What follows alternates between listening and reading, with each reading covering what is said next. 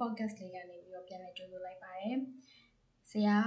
motion ရေးထားတဲ့သူစိတ်သက်ကြတိုင်းဖတ်ဖို့ဆိုတဲ့စာအုပ်လေးရဲ့နောက်ထပ်ခေါင်းစဉ်တစ်ခုကိုရောက်လာပြီဖြစ်ပါတယ်။ခေါင်းစဉ်လေးကတော့စင်တကောင်ကပေးတဲ့ဘဝသင်ခန်းစာတဲ့။ဒါဆိုဆက်ပြီးတော့မှနောက်ထောင်လိုက်ကြရအောင်နော်။တခါတော့ကတော့လူတစ်ယောက်ဟာခရီးသွားနေရင်စင်နေထွားတဲ့အနာကိုဖြတ်သွားမိတဲ့အခါမှာပေါ့။သူဟာရုတ်တရက်ကြီးရှေလန်းကိုရှက်ရှင်းရက်လိုက်ပြီးတော့မှ ဒီလောက်ကြီးမားတဲ့စင်တွေကိုဘာဖြစ်လို့များကြိုးသေးသေးလေးနဲ့ရှီနှောင်ထားလို့ရတာလဲလို့တွေးတောစဉ်းစားမိသွားတယ်တဲ့။ချိန်တိုးကြီးတွေနဲ့လည်းရှီနှောင်ထားတာမျိုးမဟုတ်ဘူး။လောင်အိမ်ထဲမှာမထည့်ထားပဲနဲ့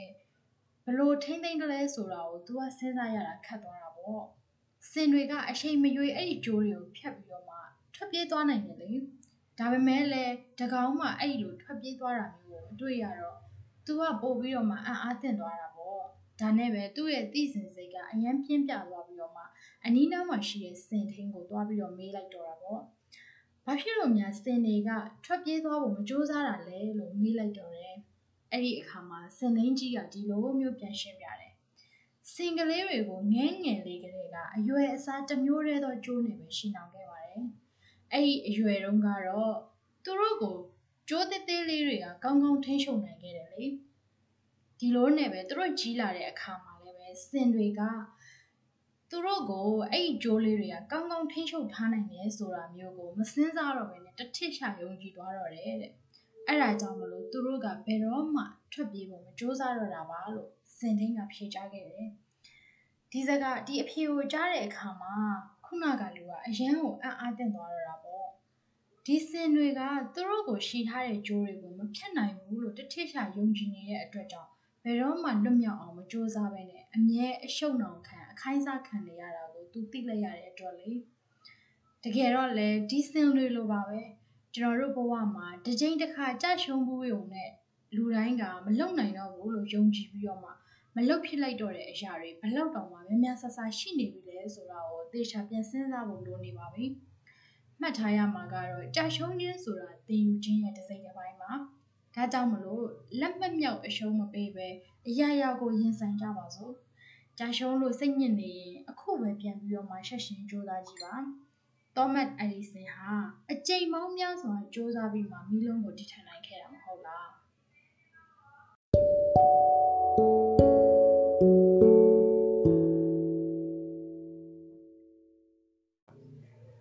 နောက်ထပ်ခေါင်းစဉ်တစ်ခုကတော့လဲကြတိုင်းပြန်ထားပါတဲ့။ သူများထုပေးမှပြန်ထားတတ်ရင်ထုပေးမဲ့သူမရှိတဲ့တနေ့ကျွန်တော်တို့တက်နေခံရမှာပေါ့ဒီလိုပဲလူတိုင်းလူတိုင်းကသူတို့ရဲ့ဘဝဗန်တိုင်းကိုလမ်းလျှောက်ရမှာရှော်လဲတက်ကြတယ်ရှော်လဲတဲ့အခါမှာကိုယ့်ဘာသာကိုပြန်ထားခဲ့ရတာတွေလည်းရှိမယ်တချို့သူတွေကူညီပြီးတော့မှပြန်ထားခဲ့ရတာတွေလည်းရှိမှာပဲကျွန်တော်ဘဝမှာတော့များသောအားဖြင့်ကိုယ့်ဘာသာကိုပြန်ထားခဲ့ရတာများပါတယ်ထူပေးမဲ့သူဆိုတာမရှိသလောက်ကိုရှားပါတယ် ဘေးနားကဖျက်လျှောက်သွားရင်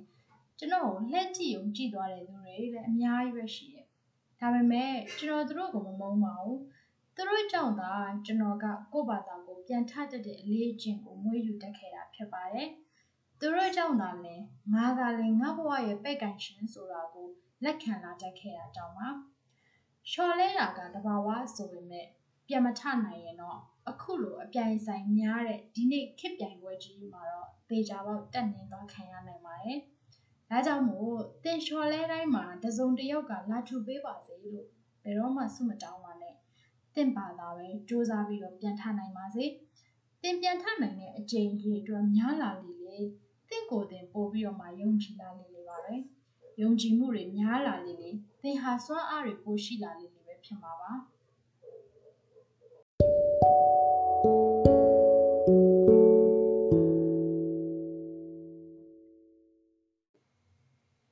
နောက်ထပ်ခေါင်းစဉ်တစ်ခုကတော့ပစ္စုပန်မှာနေထိုင်မှာတဲ့။လောင်စုဆိုတဲ့လူတစ်ယောက်ကပြောခဲ့တယ်။သင်စိတ်သက်ကြနေတယ်ဆိုရင်သင်ရဲ့အတိတ်အကြောင်းတွေကိုပဲအမြဲတွေးဖြစ်နေလို့ပါတဲ့။သင်အမြဲစိုးရင်ပူပန်ကြောက်ကြနေရတယ်ဆိုရင်တော့ဒါဟာသင်ရဲ့အနာဂတ်အကြောင်းကိုပဲအမြဲတွေးပြီးတော့ပူပန်နေလို့ပါတဲ့။ တကယ်လို့သင်စိတ်ကငြင်းချမ်းနေတယ်ဆိုရင်တော့သင်ဟာအခုလက်ရှိပစ္စုပန်တက်တဲ့မှာနေထိုင်သူဖြစ်နေလို့ပါပဲတဲ့။ဆိုတော့စိတ်တက်ကြတယ်ဆိုတာကကျွန်တော်တို့လူသားတွေရဲ့မွေးရပါအကျင့်တစ်ခုပါစိတ်တက်မကြအောင်အမြဲတမ်းကိုယ့်ကိုယ်ကိုမြင့်တင်ပေးနိုင်တာကမှလူတော်တွေရဲ့အကျင့်ပါလောင်စုပြောတဲ့စကားကတူတူနဲ့အယံကိုထိရောက်ပါတယ်တကယ်တော့တင်ပါလို့စိတ်တက်ကြတာလည်းပြန်တွေးကြည့်ပါ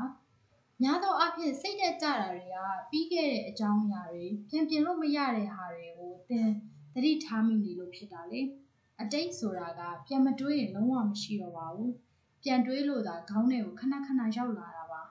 ဒီတော့မနေ့ကတင့်ကိုတင့်ရဲ့တထေးကစူတဲ့အရာတွေကိုမေ့ပြလိုက်ပါတော့တင့်ကိုတစ္ဆာဖောက်သွားတဲ့ရီစားဟောင်းအကြောင်းကိုလည်းမေ့ပြလိုက်ပါတော့တင့်ကိုတင့်တငယ်ချင်းကမျက်လုံးဆွေတယ်လို့ပြောတာကိုလည်းမေ့လိုက်ပါ တော့တင့်ကိုအရန်အရက်ပူတာပဲလို့ပြောတဲ့လူတွေအကြောင်းကိုလည်းလုံးဝမစင်စားပါနဲ့တော့ဘလို့စိတ်ညစ်စရာမျိုးကိုမှမစင်စားပါနဲ့တော့တင့်ရဲ့အတိတ်တွေကတင့်ကိုချဲလဲနေတာကိုနောက်ထပ်ခွင့်မပြုပါနဲ့တော့အခုတော့အတိတ်အကြောင်းပြောပြီးပြီဆိုတော့ကျွန်တော်အနာဂတ်ရဲ့အကြောင်းကိုဆက်ပြီးတော့ပြောပြရစီကျွန်တော်တို့ကမနှက်ဖြန်တော့အသက်ရှင်မမလားမသိဘူးလို့ပြောမိလိုက်တယ်ဆိုရင်သင်ဟာဟော့ဟဲ့လွဲပါစေချောပါစေဆိုပြီးတော့မှ ကျွန်တော်ကိုစိတ်ဆိုးနေအောင်မယ်ဒါပေမဲ့အဲ့ဒါကတကယ့်ကိုဖြစ်နိုင်တဲ့အမှန်တရားတစ်ခုပါအဲ့ဒီတော့မနှက်ဖြန်အကြောင်းစဉ်းစားပြီးတော့မှအေးပြက်ခဲ့ရတဲ့ညတွေကိုရေစုံမျောလိုက်ပါတော့အဲ့ဒီလိုပြောတော့အနာဂတ်အကြောင်းကိုမစဉ်းစားရင်မိသားစုအတွက်ဘယ်လိုလုပ်ရမလဲလို့သင်ပြန်မေးနိုင်ပါတယ်အရာရာကိုအချိန်တိုင်းမှာအကောင်းဆုံးလုပ်နေတဲ့သူအတွက်ဆိုတာအနာဂတ်ကအမြဲလှပပြီးသားပါအဲ့တော့ သင်အကောင်းဆုံးတွေကိုသာအချိန်တိုင်းမှာစူးစမ်းပြီးတော့လုပ်နေပါအကောင်းဆုံးတွေလုပ်ရုံကလွဲပြီးတော့မှသင်ရဲ့အနာဂတ်ကိုပြုပြင်လို့ရမယ်နီလန်းဆိုတာမျိုးကမရှိပါဘူးဒီလိုဆိုတော့အနှစ်ချုပ်လိုက်တော့မယ်ဆိုရင်ညတိုင်းနှစ်ဖူးပေါ်လက်ကျင်ပြီးတော့မနှက်ဖြန်အကြောင်းပူပန်စဉ်းစားခဲ့တာတွေအားလုံးကအကျိုးမရှိဘူးဆိုတာသင်သတိထားမိလာလိမ့်မယ်လုံးဝမစဉ်းစားပါနဲ့လို့ကျွန်တော်ပြောချင်တာတော့မဟုတ်ဘူးစိတ်ညစ်စရာတွေကိုသာ ထပ်တလဲလဲမစဉ်းစားဖို့ပြောချင်တာပါဆိုပါတော့အင်္ဂလိပ်စာကိုတေချာလေ့လာရင်ကောင်းမလားလို့သင်စစဉ်းစားခဲ့တဲ့အချိန်ကနေအခုလက်ရှိတေချာမလုပ်ဖြစ်သေးတဲ့အချိန်ထိတွက်လိုက်လို့ရှိရင်အချိန်ကတော်တော်ကြာနေပါပြီအဲ့ဒီအချိန်တွေမှာသာသင်လေ့လာလိုက်ရင်အခုလောက်ဆိုရင်တွင်းတွင်းကျင်ကျင်ပြောတတ်နေလောက်ပြီပေါ့ဒါပေမဲ့အဲ့ဒါကအတိတ်ဖြစ်သွားပြီလေအဲ့ဒီအတိတ်အကြောင်းကိုမလုပ်ဖြစ်လိုက်ရတဲ့အကြောင်းကိုနောက်တော့မရပါနဲ့တော့အားတော့မှ တေချာပြန်လေ့လာတာပေါ့ဆိုပြီးတော့ပဲလဲအနာဂတ်နဲ့လဲကင်မပေါက်ပါနဲ့အခုအချိန်အခုလက်ရှိအချိန်ပြစ္ဆုတ်ပံအချိန်မှာသာစပြီးတော့စ조사ပါတင့်ရဲ့လက်ရှိအချိန်လေးကိုပဲပျော်ပျော်လေးနေကြည့်ပါ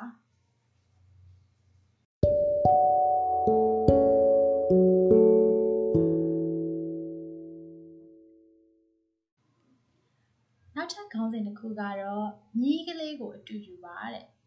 တခါတော့ကပေါ့လယ်သမားတစ်ယောက်စီမှာ မြီးတစ်ကောင်ရှိပါတယ်ဒီနေ့မှာတော့အဲ့ဒီမြီးလေးကရေရင်းထဲကိုပြုတ်ကျသွားတော့တယ်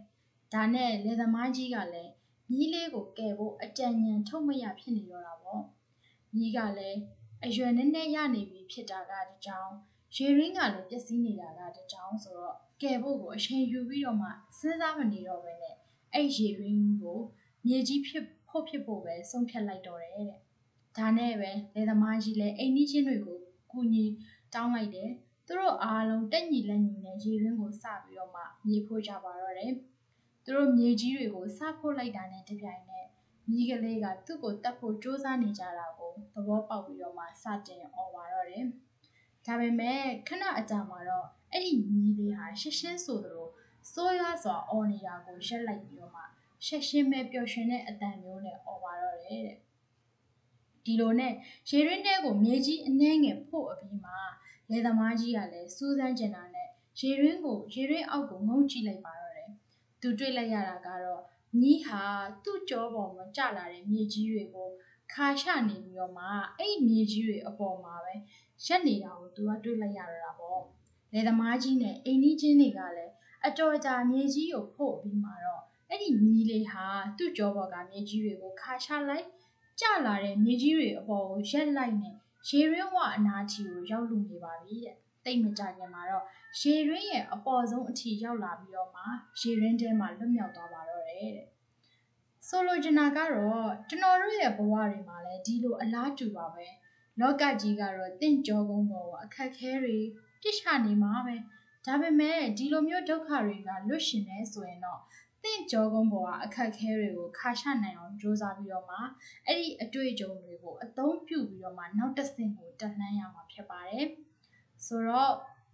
ဘဝမှာတင့်အပေါ်ဖြစ်ပျက်တာတွေထက်သင်ကအဲ့ဒီဖြစ်ပျက်လာတဲ့အရာတွေပေါ်မှာဘလို့ပြန်ပြီးတော့တုံ့ပြန်မလဲဆိုတာကပိုအရေးကြီးပါတယ်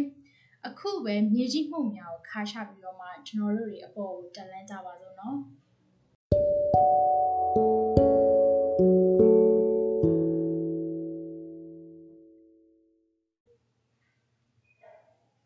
နောက်ထပ်ကောင်းစဉ်တစ်ခုကတော့ပြောချင်ရင်လိုက်နာတဲ့အချက်9ချက်ပဲဖြစ်ပါတယ်။ဒါဆိုနံပါတ်1အချက်ကတော့တင့်ရဲ့အတိတ်နဲ့ငြင်းချမ်းမှုယူပါ။ဆိုလိုတာကတင့်ရဲ့အတိတ်ကတင့်ရဲ့ပြစ္ဆုတ်ပံကိုအမြဲနှောက်ယှက်နိုင်တဲ့အတွက်ကြောင့်မလို့တင့်ရဲ့အတိတ်နဲ့ငြင်းချမ်းမှုယူလိုက်တယ်ဆိုတာအတိတ်ကိုပြန်မတွေးတော့တဲ့ပြန်မတွေးတော့တာကိုပြောတာပါ။ဒါဆိုရင်တင့်ရဲ့အတိတ်ကတင့်ရဲ့ပြစ္ဆုတ်ပံကိုလုံးဝနှောက်ယှက်နိုင်တော့မှာမဟုတ်ပါဘူး။ လူတော်တော်များများစိတ်ဆင်းရဲရတဲ့အကြောင်းရင်းကတော့အတိတ်ကအကြောင်းအရာတွေကိုပြန်ပြင်လို့မရတဲ့အရာတွေကိုထပ်တလဲလဲပြန်တွေးတောနေလို့ပါပဲအတိတ်ကမအောင်မြင်ခဲ့တာတွေကြာရှုံးခဲ့ဘူးတာတွေ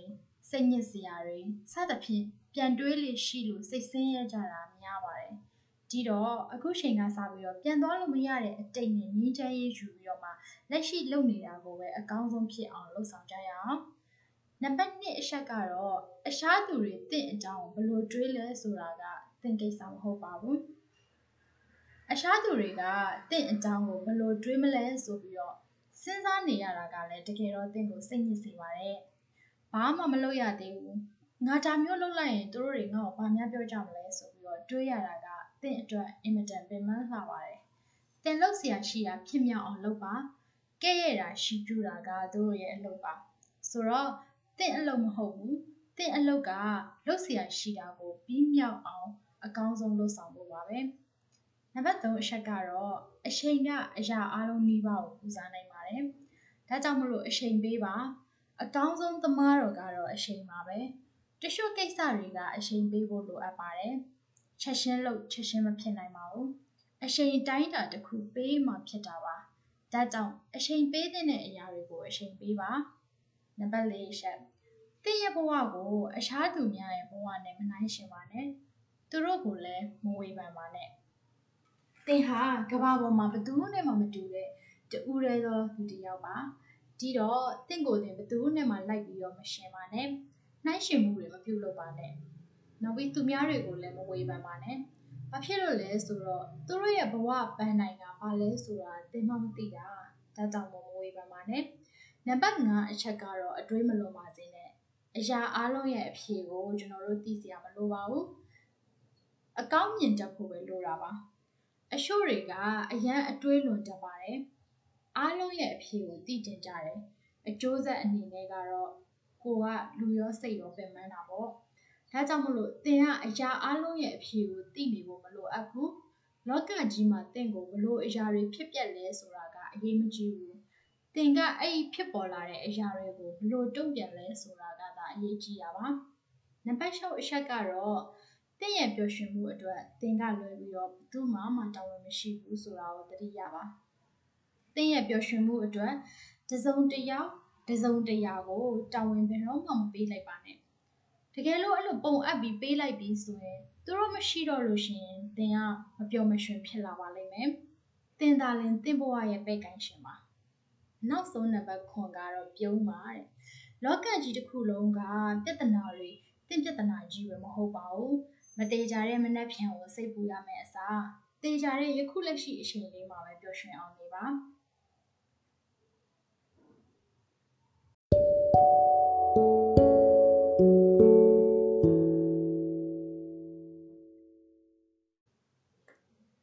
နောက်ထပ်ခေါင်းစဉ်တစ်ခုကတော့ တင့်ကိုယ်တင်စိတ်မပြတ်တဲ့အချက်ချစ်ချက်ပါတင့်ကိုယ်တင်မြင်တဲ့အမြင်ကသူများတွေတင့်ကိုမြင်တဲ့အမြင်ထက်ပိုပြီးတော့မှအရေးကြီးပါတယ်တင့်ကိုယ်တင်မှာအထင်မကြီးရင်တင့်ကိုဘသူကမှအထင်ကြီးတော့မှာမဟုတ်ဘူးလေဒါကြောင့်တင့်ကိုယ်တင်ပြန်မြင်တဲ့အမြင်ကအရန်ကိုအရေးကြီးပါတယ်ကြာရှုံးဘူးယုံမှားဘူးယုံနဲ့တော့တင့်ကိုယ်တင်စိတ်မပြတ်သင့်ပါဘူးဘာလို့လဲဆိုတော့ လူတိုင်းလူတိုင်းကဘဝမှာတစ်ကြိမ်တစ်ခါတော့မားဘူးတယ်ကြာရှုံးဘူးတယ်လူတွေကြီးပါပဲသင်အောင်မြင်ချင်တာအရန်ကောင်းပါတယ်ဒါပေမဲ့အောင်မြင်ချင်တဲ့စိတ်ကြောင့်လိုချင်တာတွေကိုမရတဲ့အခါမှာသင်ကိုယ်သင်စိတ်ပြတ်တာကမကောင်းတာပါစိတ်တက်ကြတယ်ဆိုတာပုံမှန်ဖြစ်ပြင်မဲ့အောက်ဆုံးထိကျသွားရင်တော့ပြန်ဆွဲတင်ရတာခက်လေးရှိပါတယ်ဒါကြောင့်သင်ကိုယ်သင်စိတ်ပြတ်နေအောက်မှာဖော်ပြပေးမယ့်အချက်လေးတွေကိုဆက်ပြီးတော့ဖတ်စီကြပါတယ် သင်ကိုယ်သင်ဘာလို့စိတ်မပြတ်သင့်လဲဆိုတဲ့အကြောင်းပြချက်ချစ်ခုကိုဖော်ပြပေးလိုက်ပါတယ်နံပါတ်1အချက်သင်ကအမြဲတမ်းတိုးတက်နိုင်တယ်တကယ်လို့တင့်ရဲ့အသက်အရွယ်ဟာဘယ်အသက်အရွယ်ပဲရောက်ရောက်ဘလောက်ပဲအမားတွေလုတ်ခဲ့လုတ်ခဲ့တင်သာစ조사လို့ရှိရင်တင်ဘဝမှာတိုးတက်နိုင်တာတွေအများကြီးရှိပါသေးတယ်။ဒါကြောင့်တင့်ကိုစိတ်သက်ကြစေခဲ့တဲ့အမားတွေရှိရင်နောက်တစ်ခါမမအောင်လုပ်ပါ။အရင်တစ်ကြိမ်ကချက်တိုးတက်အောင်လုပ်ပါ။ နံပါတ်2အချက်ကတော့ဘသူမှပြည့်စုံတဲ့လူရဲ့လို့မရှိပါဘူး။ဆိုတော့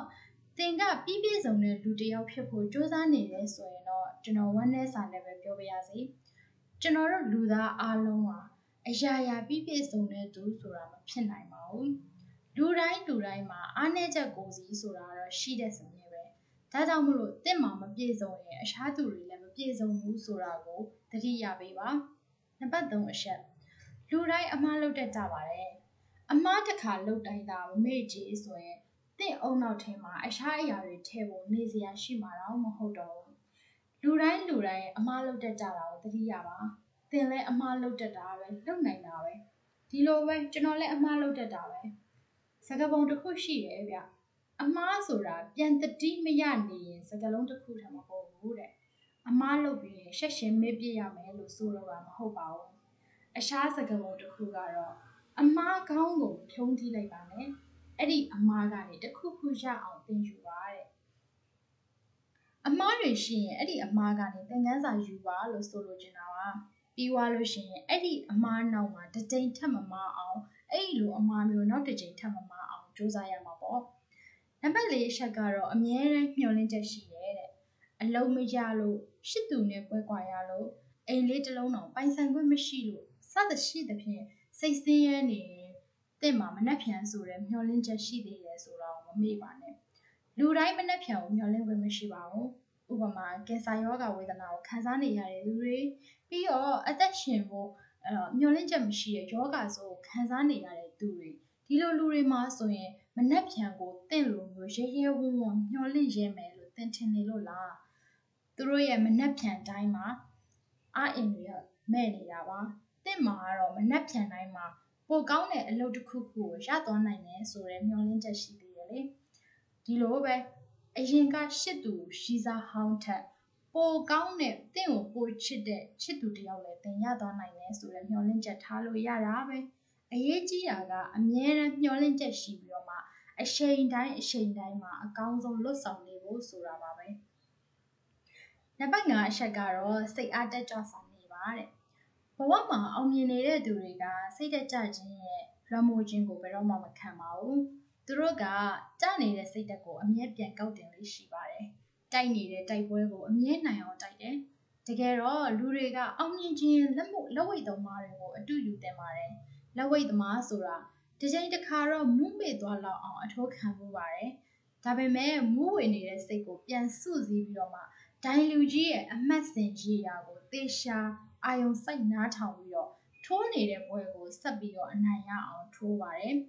တခါတလေလောကကြီးမှာအရှိုက်ကိုအထိုးခံရသလိုမုမဲ့သွားလောက်တဲ့အထိလောကရန်တရားတွေကိုသင်ခံစားရကောင်းခံစားရပါလိမ့်မယ်ဒါကသင်တယောက်တည်းမဟုတ်ပါဘူးဒါပေမဲ့အဲ့အချိန်ကျရင်သင်ရဲ့စိတ်တွေကိုပြန်စုစည်းဖို့ကသာသင်တာဝန်မှာသင်တိုက်နေတဲ့ပွဲကိုသင်နိုင်အောင်ဆက်တိုက်နိုင်အောင်ကြိုးစားပါဘယ်တော့မှလဲကျနေတဲ့နေရာမှာပြောမနေပါနဲ့ သင်ကိုယ်သင်စိတ်တက်တက်ကြွအောင်အမြင်နေပါနံပါတ်6အချက်ကတော့တင့်ကိုယ်တင်သူများတွေနဲ့မနိုင်ရှင်ပါနဲ့လူတော်တော်များများစိတ်သက်ကြရခြင်းအကြောင်းရင်းကသူတို့ကိုသူတို့သူများတွေနဲ့နိုင်ရှင်နေလို့ပါပဲသူများတွေရဲ့ရုပ်ကပိုလှတယ်ပတ်စံပိုရှာနိုင်တယ်စသဖြင့်ပေါ့နောက်ဆုံးပြောရရင် Facebook ပေါ်မှာ like ပိုရတာကအစား like မနိုင်ရှင်ပါနဲ့လူတွေကအများအမြင်မှာပြောစရာတွေကြွားစရာတွေထုတ်ပြနေကြတာပါ သူတို့ထဲမှာလည်းစိတ်သက်ကြနေတဲ့သူတွေအများကြီးပါဒါကြောင့်မလို့တင့်ကိုယ်တင်ဘယ်သူနဲ့မှမနိုင်ရှင်ပါနဲ့နံပါတ်9အချက်ကတော့တင့်ကိုသူများတွေလက်မိုးတာမခံပါနဲ့တခြားဘယ်သူကြောင့်ဖြစ်ဖြစ်တင်စိတ်ဆင်းရဲနေရတယ်ဆိုရင်တင့်ရဲ့စိတ်ကိုပြင်သင်ပါပြီတင့်ရဲ့တန်ရှင်းတဲ့စိတ်ကိုညဉ့်ညမ်းတဲ့သူတွေကြောင့်ဘယ်တော့မှမထိခိုက်ပါစေနဲ့ဒီနေရာမှာလောင်စွပ်ပြောထားတဲ့အစိုးမိတ်လေးတစ်ခုရှိတယ်အရှားသူတွေတင့်ကိုဘယ်လိုထင်လဲ တင်စဉ်းစားလေလေတင်ဟာသူတို့ရဲ့အကျဉ်းသားဖြစ်လေလေပါပဲတဲ့တကယ်ကတင့်ကိုတင်ပြန်မြင်တဲ့ self esteem ကပိုအရေးကြီးတာပါတင်ကစိတ်ထဲမှာတင်ငင်နေရင်အပြင်မှာလည်းတင်ငင်နေတဲ့ပုံပေါက်နေပါတယ်ရုပ်မလျှောပေမဲ့ confident အပြည့်ရှိတဲ့သူတွေကိုသင်မြင်ဖို့မှာပါသူတို့တွေကသူများတွေသူတို့ကိုဘယ်လိုထင်လဲဆိုတာထက်သူတို့ကိုသူတို့ဘယ်လိုထင်လဲဆိုတာကိုပိုကယူစိုက်တတ်ပါတယ် သူများရဲ့အကျဉ်းသားလုံးဝမဖြစ်ပါစေနဲ့နောက်ဆုံးနံပါတ်၈ကတော့ဘယ်တော့မှအရှုံးမပေးနဲ့ဒီချိန်တစ်ခါတော့ကျွန်တော်တို့အားလုံးကြက်ရှုံးမှုကြတာကြီးပါပဲအမြဲတမ်းနိုင်ဖို့မဖြစ်နိုင်သလိုအမြဲတမ်းလည်းရှုံးမနေပါဘူးဒီချိန်တစ်ခါကြက်ရှုံးမှုရုံနဲ့တော့တင့်ရဲ့မျောလင်းချက်တွေကိုရိုက်မရှိုးလိုက်ပါနဲ့တင်လက်မြောက်တဲ့၍မရှုံးသေးပါဘူးအခုဆိုရင် နည်းနည်းလေးရှည်သွားပြီဆိုတော့နောက်ထပ်အပိုင်းတွေကိုနောက်တစ်နေ့မှဆက်ဖတ်ပြမယ်။စောင့်မျှော်ပြီးတော့နောက်ထောင်ဝေးကြပါအောင်နော်။